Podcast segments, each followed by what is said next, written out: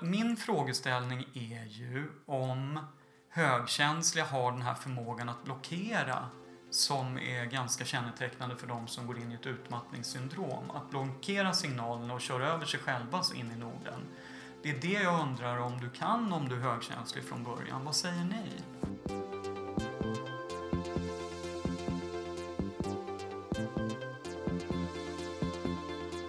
Du lyssnar på HSP-podden med Leveby och Klar.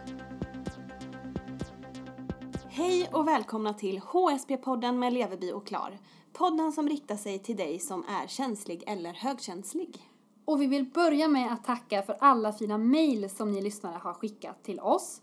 Några handlar om det som vi pratade om förra veckan, nämligen om man ska säga att man är högkänslig eller inte till nya bekantskaper. Eller på jobbet kanske.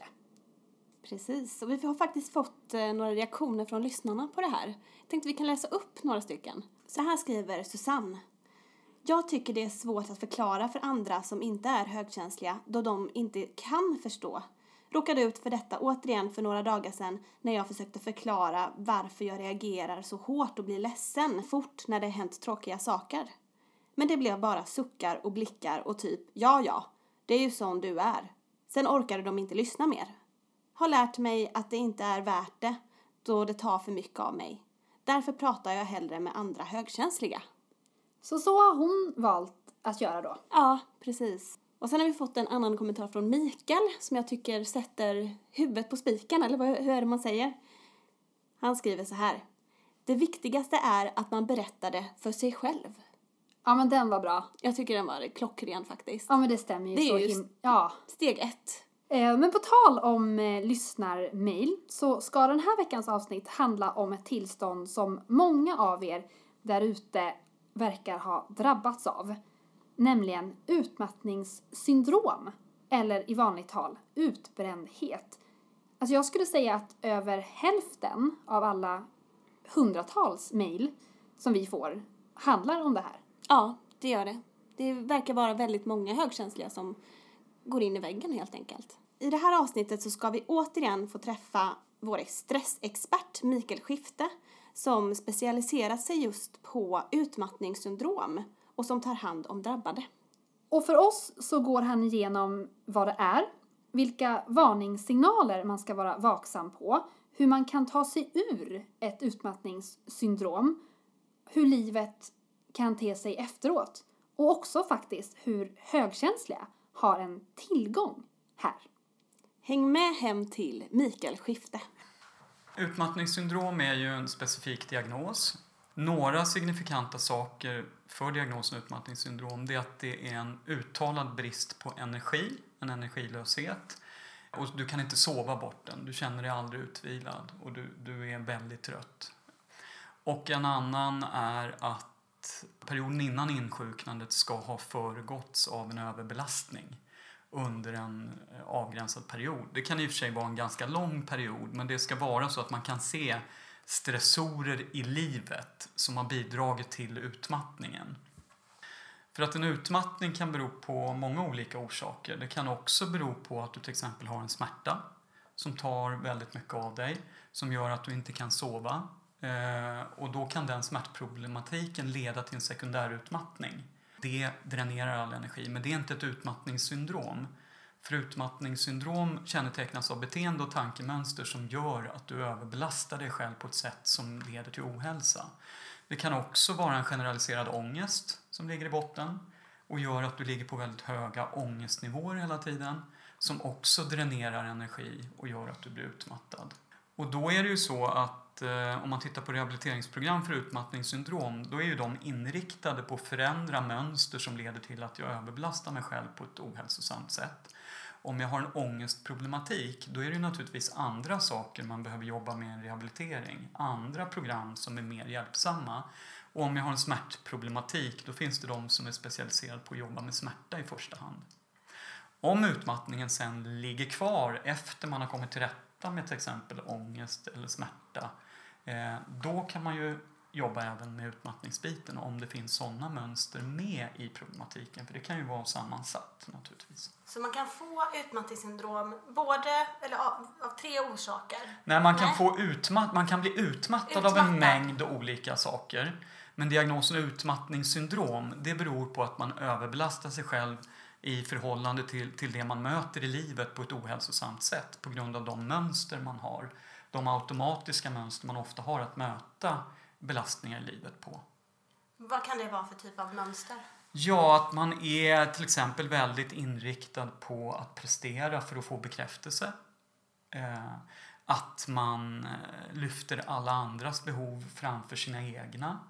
Det kan vara exempel på mönster som gör att man eh, tankar ut mer energi än vad man fyller på under längre tid. Och till slut så har man tankat ut så mycket att det inte finns något kvar och då går man sönder helt enkelt.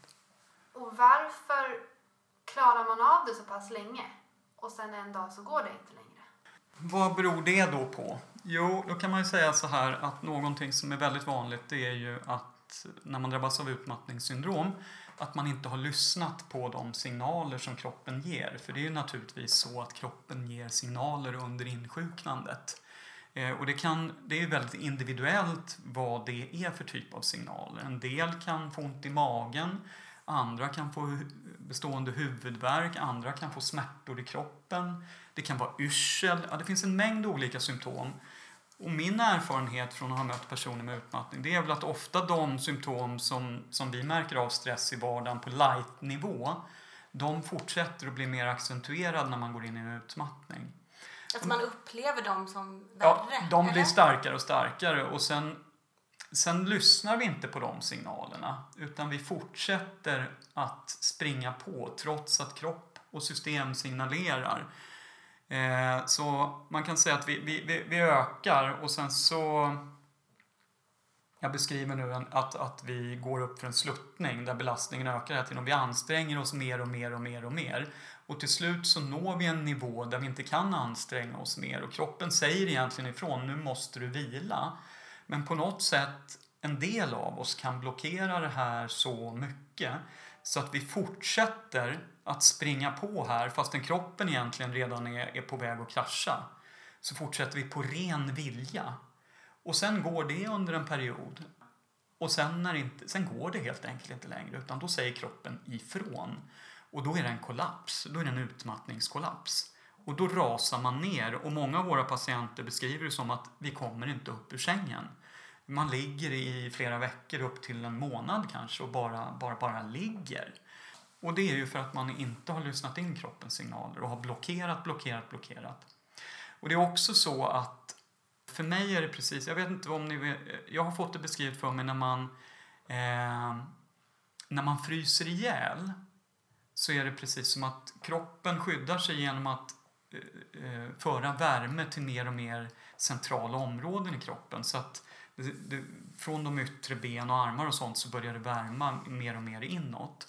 Och sen precis innan du fryser ihjäl så pumpar det ut i hela kroppen så att man blir varm.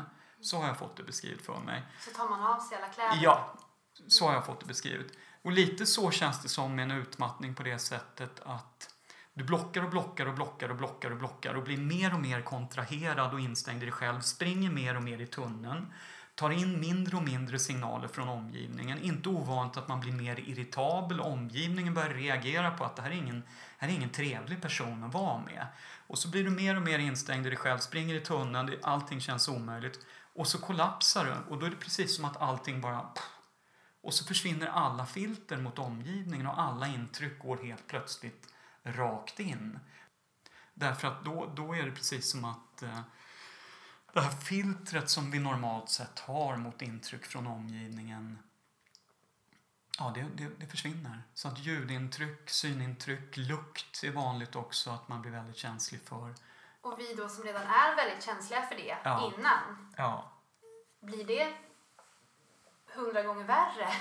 Ja, och det här är ju intressant utifrån det ni beskriver. För att min frågeställning är ju om högkänsliga har den här förmågan att blockera som är ganska kännetecknande för de som går in i ett utmattningssyndrom. Att blockera signalerna och köra över sig själva så in i Norden. Det är det jag undrar om du kan om du är högkänslig från början. Vad säger ni? Ja, så egentligen så är vi ju väldigt duktiga på att känna och känna in och känna av. Men vi är också väldigt duktiga på att sätta andra för oss själva och Ja. sätta de egna behoven åt sidan. Ja, Och går väl ofta över våra egna gränser. ja, Och det skulle väl kanske möjligtvis kunna vara en förklaring. ja. Om du kan blockera och köra på och köra över dig själv så tror jag också att det kan vara eh, absolut. Jag tror att det är mycket den dynamiken som ligger där. Och det är ju någonting som eh, när man möter patienter med utmattningssyndrom eller med utmattning då, då jobbar vi ju just med det att Eh, börja balansera det här mellan egna och andras behov på ett mer adekvat sätt. Det är ju det är, det är en viktig del.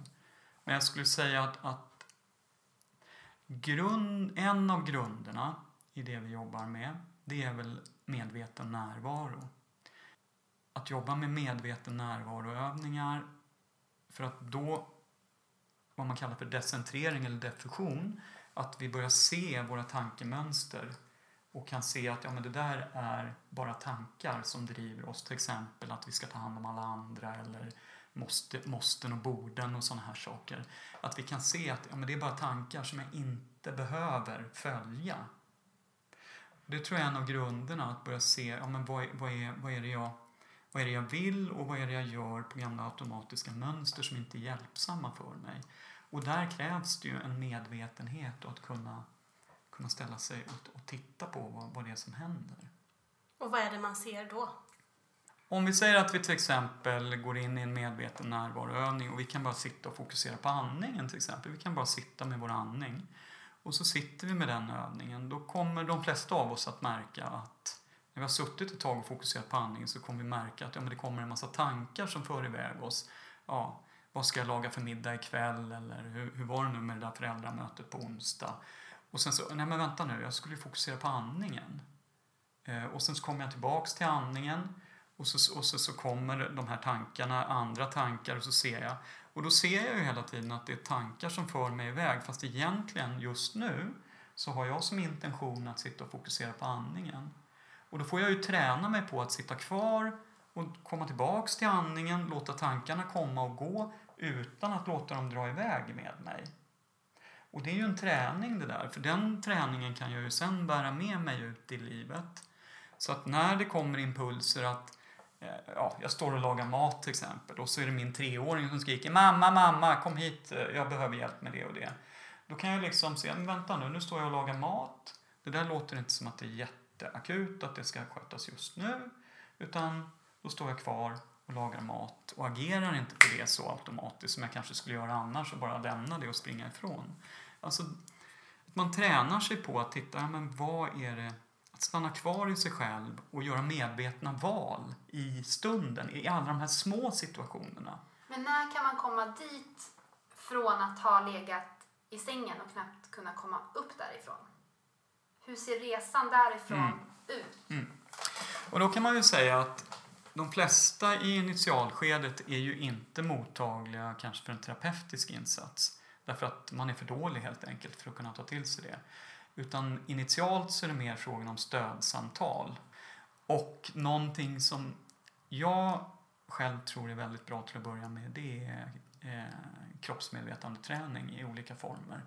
Lättare former av yoga, typ yin-yoga, medyoga, qigong, feldenkrais. Den typen av kropps... Att komma ner i kroppen och komma i kontakt med sig själv den vägen. För att man inte har lyssnat?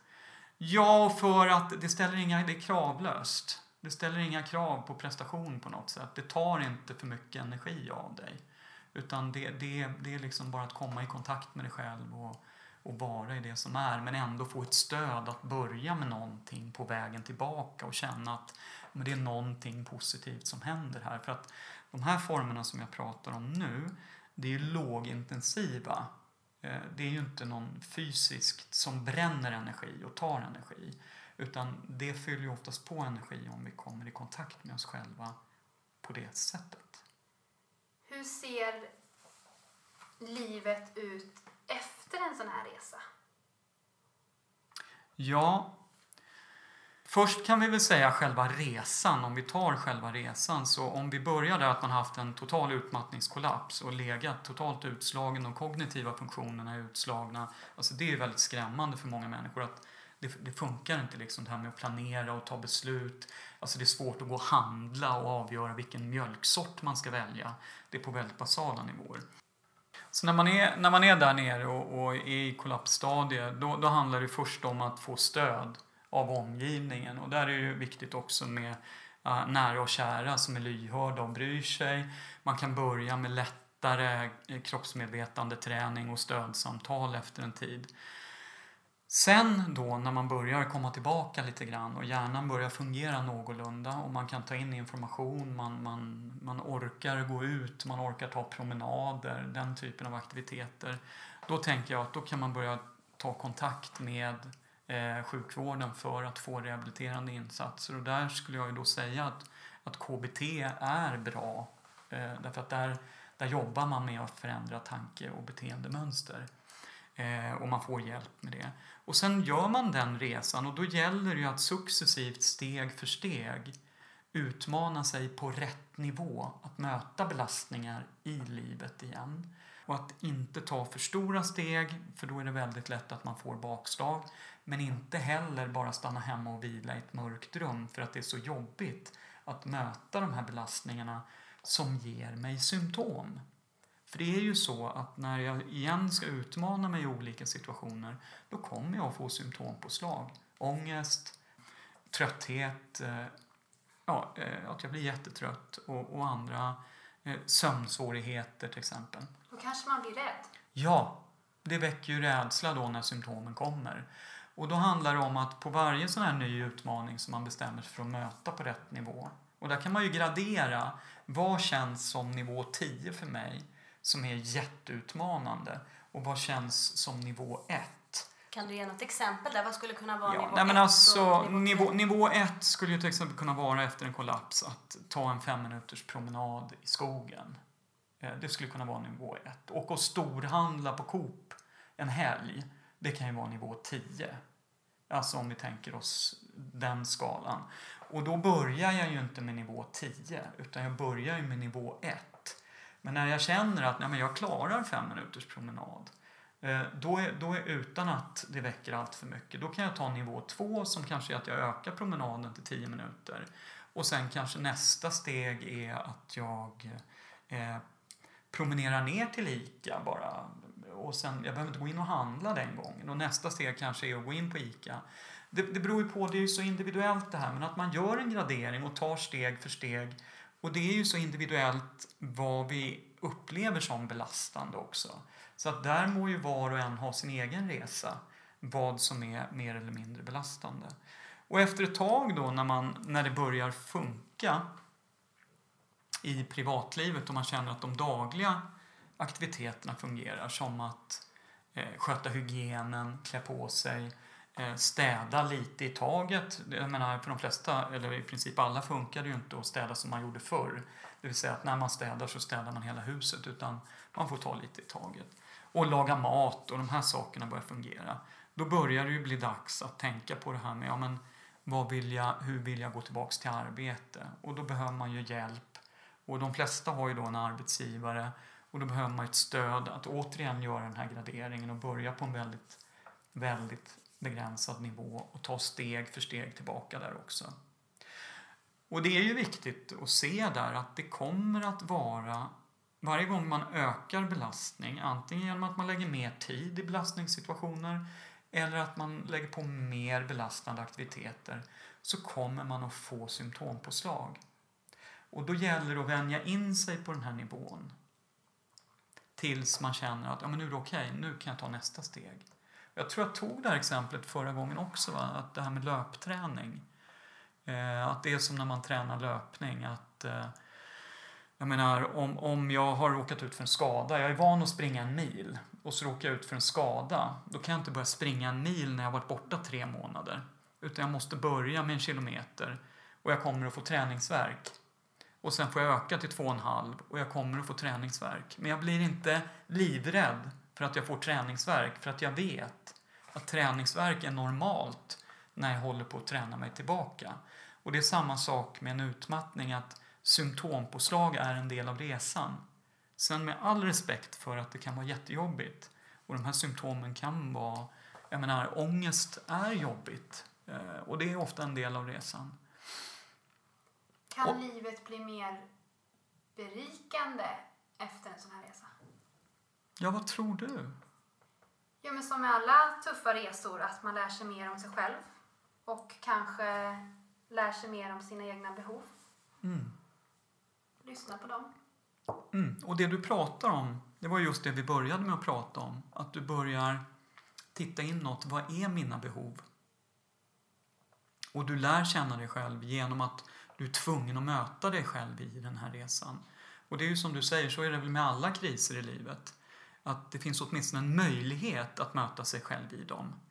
Om vi inte gör det som är ett vanligt fenomen, att vi försöker undvika obehaget, stänga av det och gå vidare i livet utan att möta. Och det är väl det vi försöker med i rehabiliteringen också, att hjälpa människor att möta sig själva.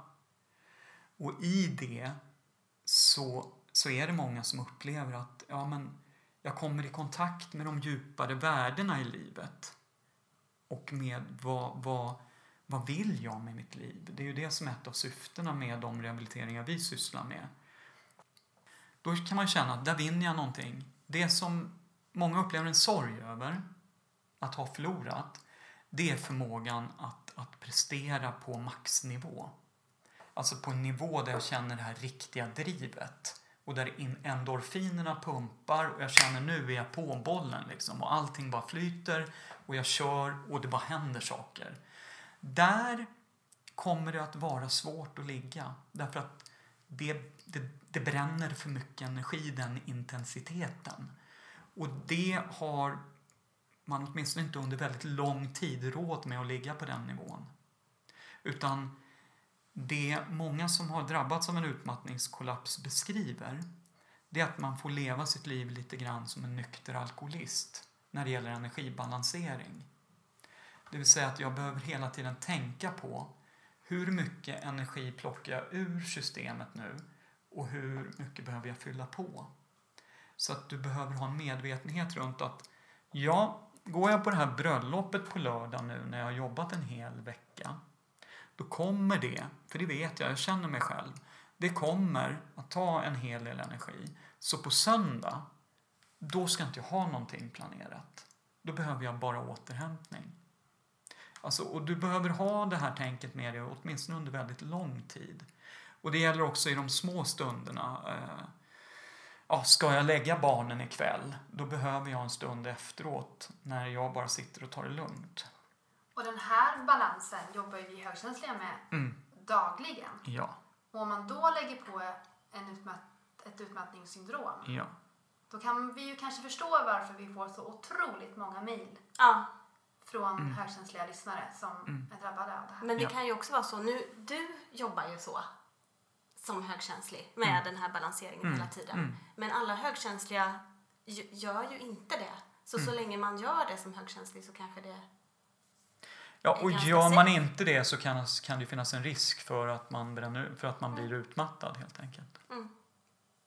Om man inte lär sig att hantera sin... Alltså, det, det vi pratar, alltså högkänslighet det är ju en sensitivitet egentligen. Och i den sensitiviteten finns det ju något väldigt fint. Eh, som, som, är, som är väldigt vackert. Och som jag skulle säga är en oerhörd tillgång. Därför att du är ju i en annan kontakt med verkligheten, eller vad, hur vi nu ska beskriva det. När du bejakar den sensitiviteten.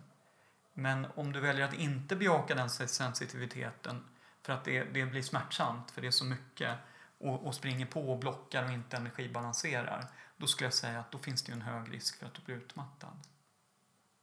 Men, men alltså, ja.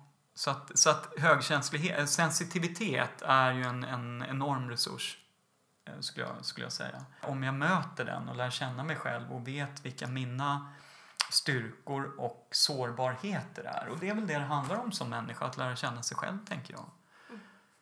Då tackar vi dig där, Mikael Skifte. Mm. Tack så jättemycket för tips och råd. Och vill ni lyssna mer på Mikael Skifte så har vi ju gjort ett avsnitt med honom tidigare som handlar om att vila. Så då får ni scrolla ner och trycka på play på avsnitt nummer 11 om ni vill höra mer från Mikael Skifte. Men när vi hade gjort den här intervjun, du och jag Matilda, så gick vi ju båda därifrån lite fundersamma och i vår egen lilla bubbla på något sätt. Verkligen. Det var ganska mycket som vi behövde fundera på. Ja, det var det. Det var många frågor som uppstod och jag tror vi tänkte lite olika också.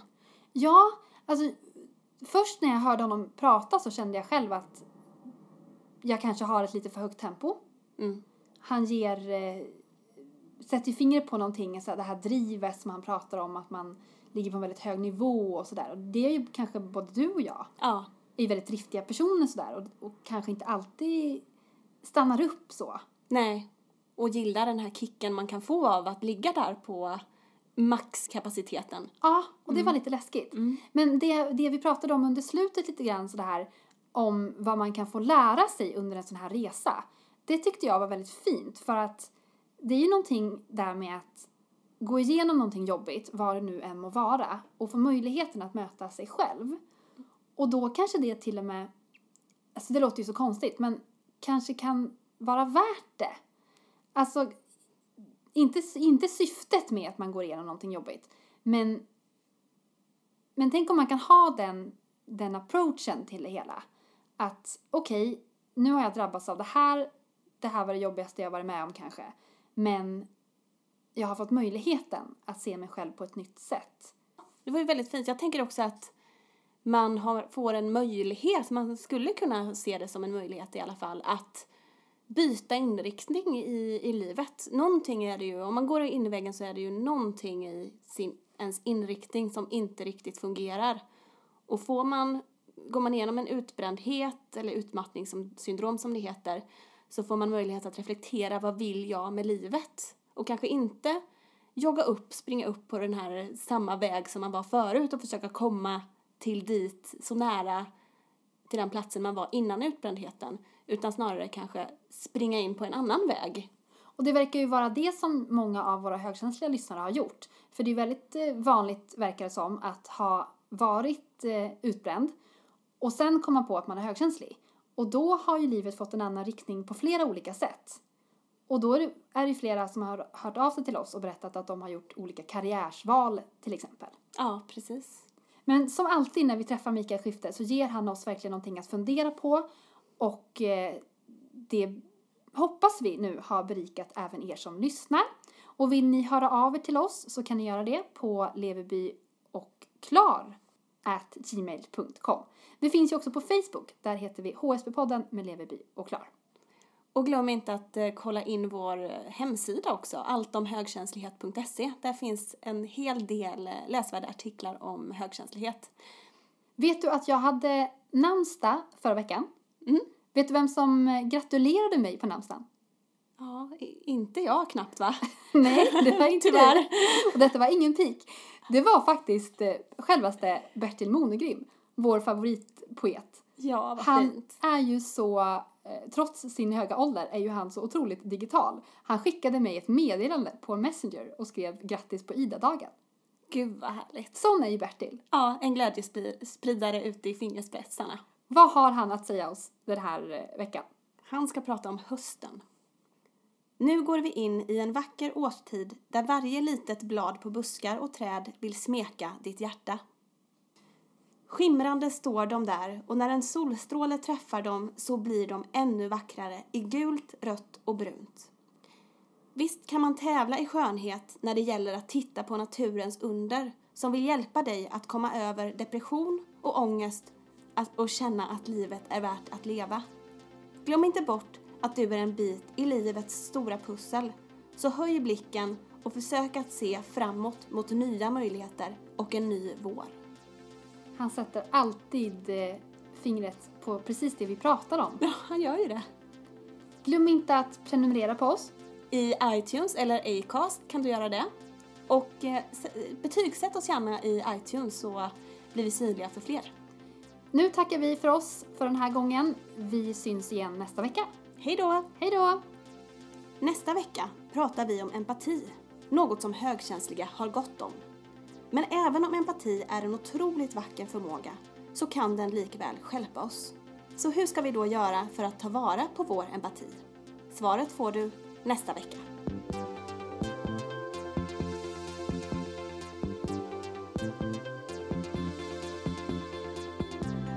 Har lyssnat på HSP-podden med Leveby och Klar.